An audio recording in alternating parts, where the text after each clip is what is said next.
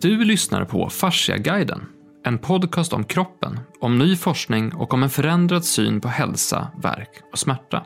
Den här serien började med en utförlig genomgång av hur vi som samhälle och kultur har separerat, objektifierat och reducerat såväl kroppen som människan och hur vårt fokus på delarna gjort att vi har missat helheten.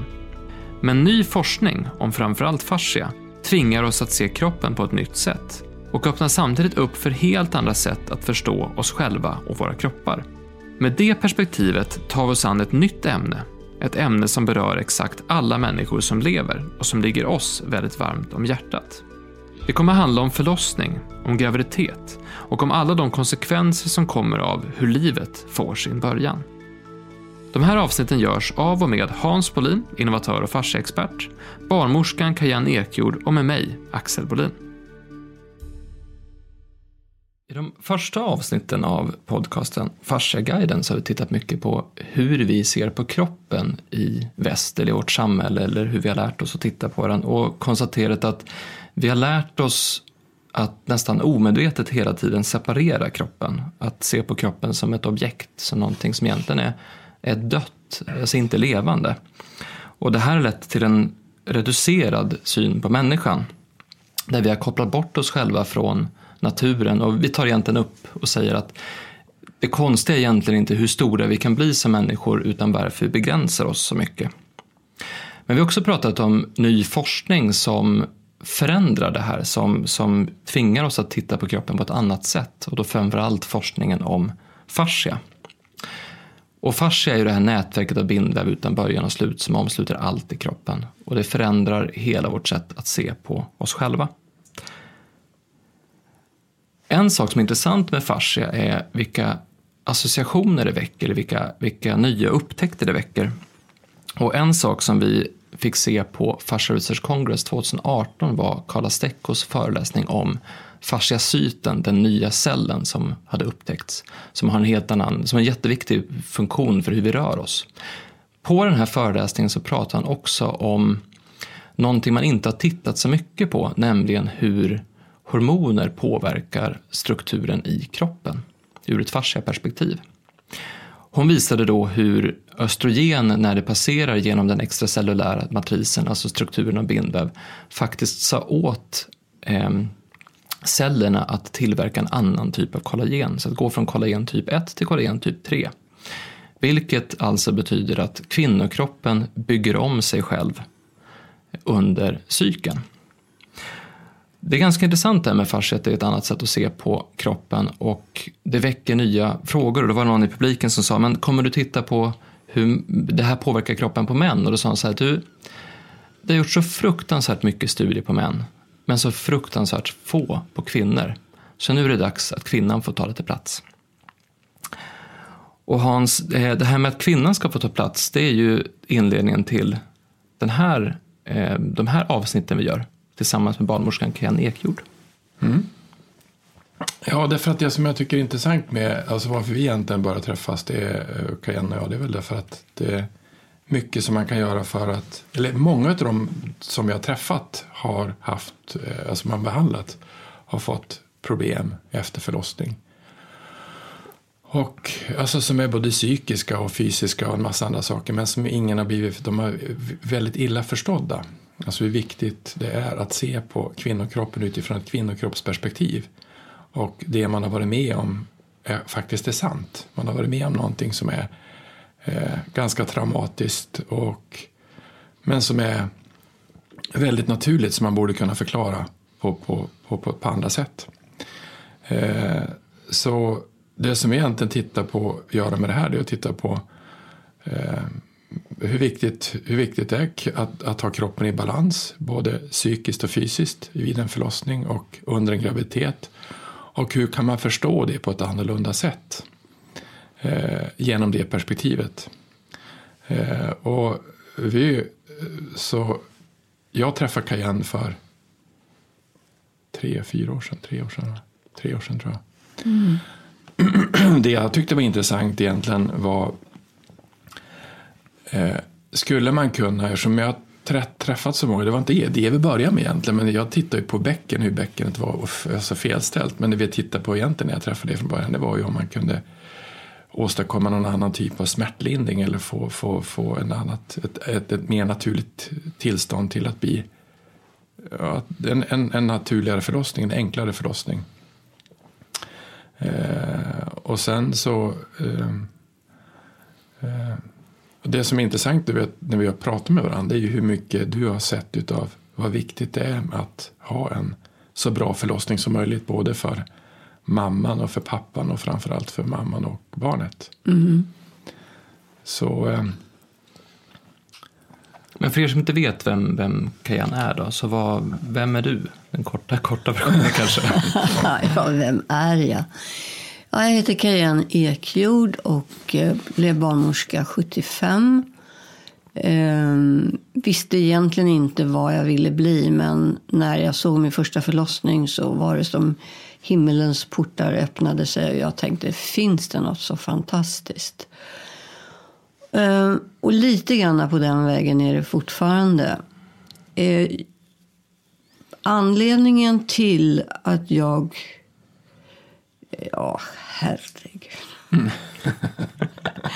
ja, I alla fall så var det så här att när min mamma födde mig så mm, hon grät av lycka efter när hon berättade om det här. Om hur fantastisk den här upplevelsen hade varit. Därför att barnmorskan hade sagt att nu ser jag håret på Johans huvud. Och eh, bara det här att hon hade blivit sedd gjorde att hon var så berörd så att hon tyckte att det var något helt fantastiskt att den här fantastiska barnmorskan hade hört att jag skulle heta Johan. Eh, min lilla syster, om man säger förlossning till henne så tycker hon att det är obehagligt, det är inget kul. Hon vill inte höra talas om det. Och jag tyckte att det var så fascinerande mm. att eh, jag som är första barnet att den födseln, att jag tyckte att det var kul. Medan min lilla syster då som var andra barnet, vilket ju nästan alltid andra barnet är lättare att föda. Att hon tyckte att det var förskräckligt. Men barnmorskan hade då, när min lilla syster föddes, hade skrikit åt min mamma att hon kunde ha tänkt på det nio månader innan. Och det upplevde säkert min mamma som väldigt kränkande. Och där började min eh, egna undersökning när jag jobbade på Sabbatsberg på 70-talet. Att jag frågade varenda kvinna och varenda man som kom in på förlossningen. Hur var det när du föddes? Hur var det när du föddes? Hur var det när du föddes? Hur var det när du föddes? Och då visade det sig, det här är min sanning då, att de gubbar som svimmade de hade i 90 procent haft egna traumatiska förlossningar. Och Eh, de papper som var som, jag brukar skoja säga som Muminpapper. De bara stod oavsett vad som hände, hade haft jättebra födslar. Och sen var det 3 oktober 75 eller 76, jag vet inte. Eh, då hade jag en födsel med en liten pojke, det var första barnet. Och ehm, han, bara, han log när han kom ut. Mm. Och sen på den tiden så låg kvinnorna kvar en vecka och jag gick upp på BB för att träffa henne efteråt. Och eh, då säger hon bara, jag måste berätta. Och då var de alltså sex stycken på samma sal. Vad är det?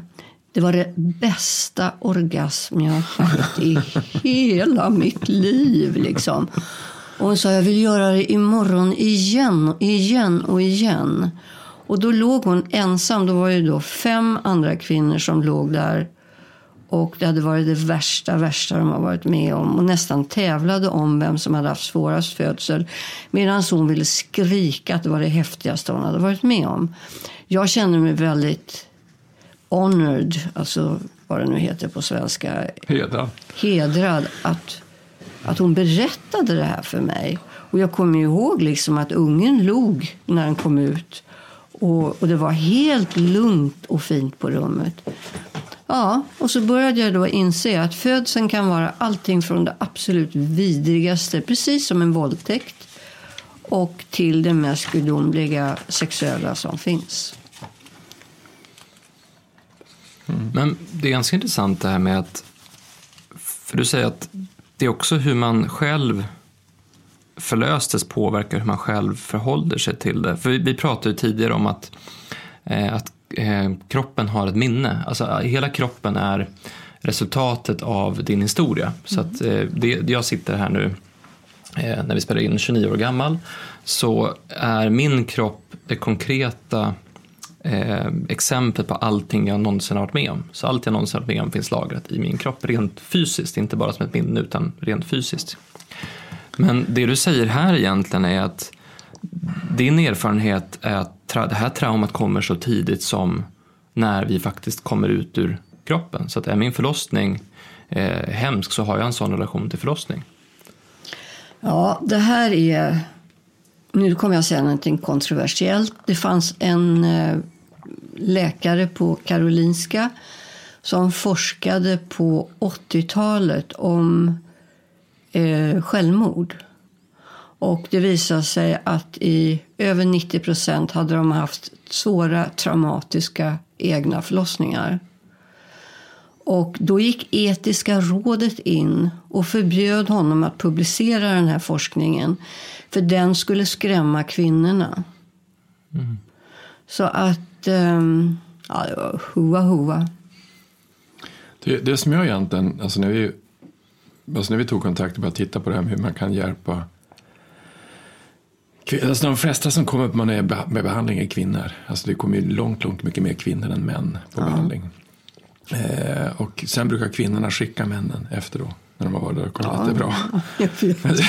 det, det, är inte intressant. Men, eh, och när man då tittar på hur mycket av alltså, felställda saker som blir efter förlossning. Alltså det kan vara, man kan vara felsydd eller man kan vara eller felsydd men man har gjort någonting som har hänt efter att bäckenet är fel eller någonting sånt.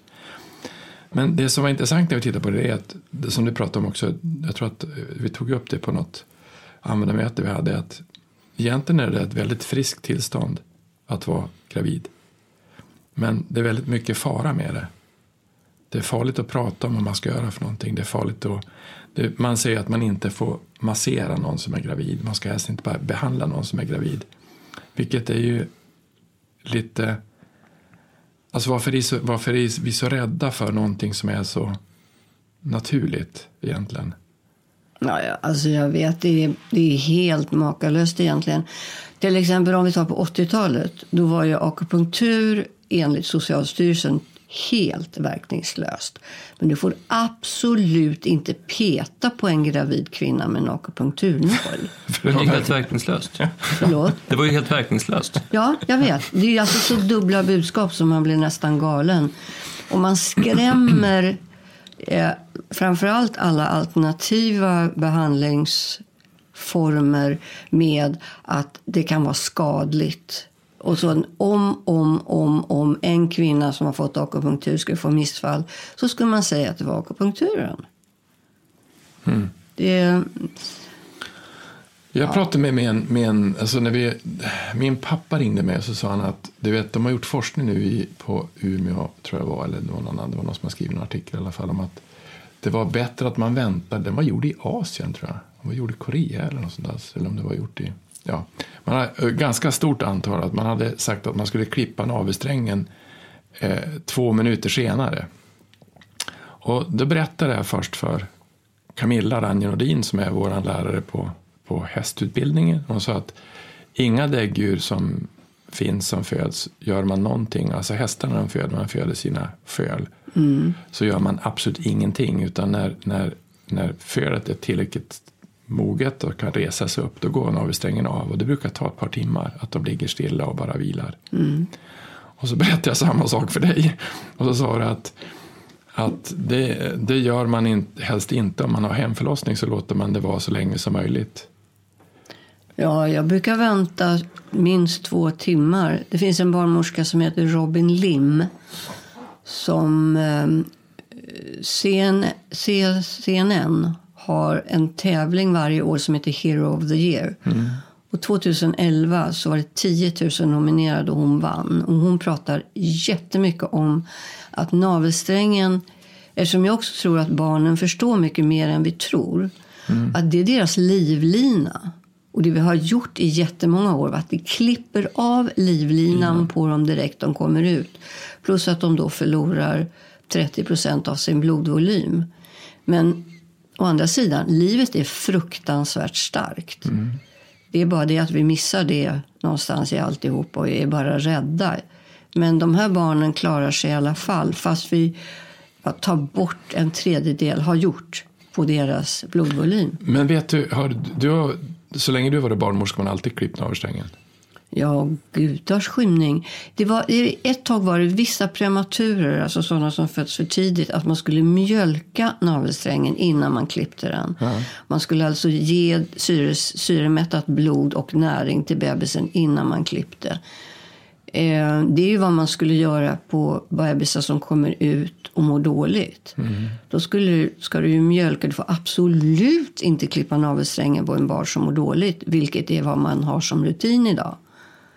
För jag, jag pratade med min mamma, och det, hon är 85, hon är också barnmorska, och, eller jobbar på BB. Hon, eh, hon är barnmorska. Hon sa att det gjorde man inte på 50-talet. Nej. Så Nej, det men då var man ju så omodern på den tiden. då hade man, då hade Vi- man, ju då hade man ju rostfritt. Om man hade, Ja, hova, hova. det gjorde man med massa andra saker. Eh, nej men alltså det, det frågan är hur, varför, varför har blivit... För att rent, rent eh, biologiskt eh, så är vi de enda däggdjur som gör så. Och det är frågan, vad Ja, men ungen kommer ju inte ut med en sax i handen Nej, och nej, säger klipp fort. nej. Och det var, hon berättar i en intervju, Robin Lim nu som jag pratar om, som jobbar på Bali, att en del av de läkarkandidater som hon undervisade på sjukhuset trodde att barnet skulle dö om man inte klippte navelsträngen. Därför, nej, men, om du tittar på filmer så är det liksom som klipp navelsträngen. Ja, det är ja, liksom, fort, fort, fort, fort. det är, ja, så då hade man ju gett en känsla av att det är jätteviktigt att man klipper den på en gång. Mm. Och så fastnar då den stackars kandidaten i den känslan av att men, men vad händer om vi inte klipper navelsträngen? Vi är sponsrade av Fasciaklinikerna. Och Fasciaklinikerna finns därför att jättemånga människor går runt med bland annat ryggvärk och ont i nacken utan att veta att det finns riktigt bra hjälp att få och enkla sätt att hålla sig frisk. Det Fasciaklinikerna har är en riktigt bra behandlingsprocess, en bra kunskap om kroppen, lång erfarenhet av olika typer av besvär, en riktigt bra maskin som eh, behandlar kroppen på ett effektivt och skonsamt sätt och en personal som verkligen brinner för att hjälpa människor. Det häftiga med fasciaklinikerna är att fasciaklinikerna blir bättre och bättre. Behandlingsmetoden utvecklas hela tiden, man håller sig ajour med ny forskning. Alla som jobbar på fasciaklinikerna lyssnar regelbundet på Fasciaguiden och funderar på vad det innebär att få ha en kropp och hur ser till att kroppen blir så bra som möjligt. Så att om du har ont så är fasciaklinikerna för dig. Det är också för dig som vill prestera bättre eller bara må bra i kroppen eller utvecklas med din kropp. Så är du intresserad av att boka behandling så gör du det på fasciaklinikerna.se. Alltså, jag är ju eh, inte så gammal, jag har inga barn än. Nej. Så min erfarenhet av förlossningar är ju att jag har ju bara en förlossning jag kan eh, ha varit med om, det var min egen. Kommer Ja. inte ihåg så jättemycket av den. Eh, så att jag känner mig lite ute på, på djupt vatten när jag sitter här och pratar om det här. Men jag kan i alla fall försöka koppla det här till, till den bild jag har fått av förlossning.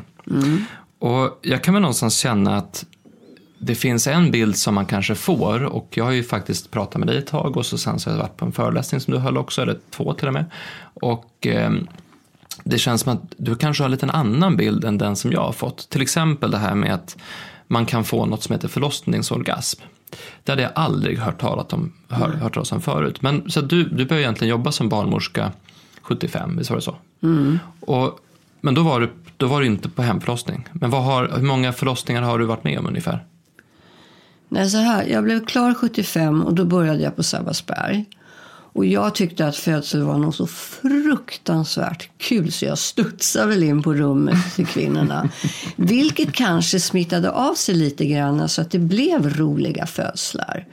Jag kommer ihåg att jag efter ett tag upptäckte att jag hade haft 300 normalförlossningar och blev skiträdd. För jag tänkte, statistiskt kan man ju inte ha tre normalförloss, 300 på raken. Och då trodde jag att jag skulle straffas för att jag hade haft så bra. Och sen spred sig ryktet med, eller rättare sagt, jag sa en gång i ett, ja, på någon fest att om jag skulle föda barn så skulle jag vilja göra det tillsammans med min man. Ja, och sen var jag ute och reste i USA, så kom jag hem och då ringer det upp en kvinna och säger nu ska jag göra så där som du sa. Jag höll nästan på att få kramp. Ja, och du kan komma hit och, och så ni, åkte jag hem till dem och så talade jag om lite grann vad man skulle behövde använda. Sax och piang då, för man skulle klippa navelsträngen. Mm. Det var ju så viktigt då. Och sen så på den tiden så var man tvungen att suga bebisarna. Men jag hade inte tillgång, vi hade inte tillgång till någon sug. Så vi gick till McDonalds och snodde ett plaströr, eller plastsugrör på McDonalds. Det var alla saker som fanns. Ja, och det var 12 april 77. Och sen så, vill ni att jag ska komma eller inte? Nej, du får göra som du vill. För hon ringde alltså på morgonen och talade om den 12 april att nu är det på G. Och jag skakade hela kroppen av rädsla. Men jag var ju nyfiken samtidigt så att jag tog mig iväg till Karlbergsvägen. Högst upp, sex trappor. Ringde på dörren och så när dörren öppnas då hör jag han säger mina ord. Titta nu i spegeln och ta det försiktigt. För det hade, på den tiden använde jag mycket spegel när kvinnorna skulle föda. Så när jag kliver in på rummet så åker ungen ut. Tack och lov, för att annars hade väl jag kommit dit med mina darrande knäskålar så förstört alltihopa. Så ungen föds och jag kliver in och bara tänker det här är inte sant. Ja, så tog jag ut moderkakan och två dagar senare började jag jobba på Sabbatsberg. Mm. Det var min första. Och sen, jo, du frågade hur många. Jag har ungefär kanske haft 700 födslar hemma och sen kanske 1000 eller något sånt. Jag har inte räknat dem på sjukhuset. Och ja, jag har... Um... Men så runt 2000 kanske? Något sånt. Ja, någonting sånt. För det som är, det som är, för jag får en känsla av att bilden som målas upp av vad det innebär att vara gravid och vad det innebär att eh, att vara med om en förlossning, mm. den kanske inte riktigt stämmer överens med verkligheten över hur det egentligen är. Därför jag, jag får i alla fall en känsla av att det är många som är lite kanske lite rädda inför det eller tycker att det är lite obehagligt. Vad har du för, det, det känns någonstans som att, att um, fin, finns, det, finns det förutbestämda myter man har kring, kring vad förlossning är för någonting som inte riktigt stämmer? Oh my god. det finns det alltså? Ja, eller så här. Det, rädsla finns det massor, tonvis med rädsla runt det här födan, födandet. Um, sen det finns en, ja, Marsten Wagner, han har varit chef för WHO och är en dansk läkare. En gång frågade vi honom hur i hela friden hamnade vi på sjukhus under mäns definition av hur en födsel är. För håll med om att om du skulle föda ett barn genom ditt kön så skulle du inte fråga mig hur du skulle göra. Nej. Nej, det skulle du inte göra. Utan du skulle, du skulle gå till dina andra manliga vänner som hade klarat av det här och fråga dem. Va? Men om vi, om vi tar till exempel på 70-talet. Eh, när du tog emot kvinnan på förlossningen, det första vi gjorde var att vi rakade bort hårstråna på dem, alltså könshåren. För någonstans förminska dem till att göra dem till flickor. Sen gav vi lavemang för jag skulle ta bort deras smutsiga bajs. Sen när är de... det sant? Ja. Det gjorde man standard. Ja. Sen tvingar vi dem att ligga på rygg. Om vi tar parallellen då med män. Om du skulle vara väldigt hård i magen och jag skulle säga lägg dig på rygg, spreta med benen upp i vädret och försök att bajsa. Det blir inte så mycket bajs då. Ja, men det är helt, helt makalöst. Ja. uh, och sen och så det är så intressant också att innan de skulle krysta fram barnet så hällde vi klorhexidin över deras skitiga sköte. Därför det skulle vara så rent. Jo, men lite grann som din mamma. Hon visste ju inte om att man måste hälla klorhexidin. Nej. Nej, nej. nej. Men då, och då slog man dem på fingrarna. För att många gånger så har man en instinkt att när barnet kommer så är det, det spänner väldigt mycket och att man då tar ner handen för att liksom hålla emot lite grann eller minska på smärtan. Och då slog vi dem på fingrarna och sa att det är sterilt. Ja, fy fan. Ja, sen i alla fall, tio år senare får jag veta att barnen gick hem med personalens tarmflora. Ja, just det. För vi hade ju inte tagit något lavemang eller så. Va? Ja, det finns så mycket konstigheter. Och jo, det var det tillbaka till Marsten Wagner. Han menar på att det handlar om makt över kvinnlig sexualitet. Han hittade på den här historien, men jag tycker att den är lite rolig. Att I början så var det ju barnmorskor som tog emot bebisarna. Om vi säger att det skulle komma ut en svart bebis ur dig som är vit och jag hade tvärtom någon annanstans så klart att jag skulle swisha ungarna så det inte skulle bli så mycket skandal. Nej, men kvinnor går inte riktigt att lita på. Va? Nej. Och så var det ju det att gubbarna skulle ha koll över sina kvinnor. De skulle ha koll på sin hustru. Att det inte var några andra spermier som hade kommit in där. Och eftersom man inte riktigt litar på varken kvinnor eller barnmorskor så ringer han till polaren doktor. Doktor, hörru du, kan du vara snäll och kolla med den här förlossningen så inget skumt händer? Och så kommer mannen in på den här arenan för att börja ta över makten över kvinnlig sexualitet. Jag tycker den är lite rolig. Den finns inte vetenskapligt bevisad, men det finns någonting för mig som stä- stämmer i den historien. Nej, men det, det bygger också lite vidare på det vi pratat om i tidigare avsnitt om att en, de idéer vi har idag, de bygger på de idéer vi hade igår som bygger på de idéerna vi hade före det, som bygger på de idéer vi hade före det. Exakt. Så att mycket som vi idag tar som, som sant eller som givet, det är ju någonstans det vi försöker, inte slå hål på, men få folk att tänka efter kring. Om det nu är så att man eh, har skurit bort fascian och slängt den i papperskorgen, ja, då har man ju missat en väldigt central del av kroppen. Och det finns ju en förklaring till att man har gjort det, därför att man historiskt sett har delat upp kroppen i bitar. När man har dissekerat människor så har man dissekerat döda människor, vilket i och för sig är bra. Sådär. Men, men en död kropp och en levande kropp är ju inte samma sak. På samma sätt så har man ju, jag tror att, jag vet inte om det stämmer idag, men det stämde i alla fall för tio år sedan, att 90% av alla anatomiska studier är gjorda på män. Så att man har ju sett på kvinnan som en man med hormoner. Och det är ju inte riktigt så, för när vi pratar om det här med att hormonerna eh, förändrar strukturen. När de passerar genom nä- nätverket av bindväv så förändras strukturen i kroppen.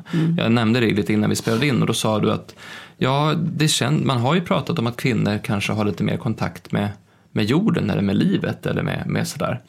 Och det som är intressant när vi börjar titta på såna här saker, att jaha, okej, mycket av förlossningsvården, den kanske, den kanske är upp den kanske, det kanske finns rester kvar av det här som du pratade om nyss. Det kanske finns rester kvar av det i dagens förlossningsvård också, trots att vi inte tänker på det. Idag när vi är så jämställda och tänker så mycket på kvinnor och, och så vidare och sådär. Men vissa idéer och mönster kanske hänger kvar från tidigare paradigm.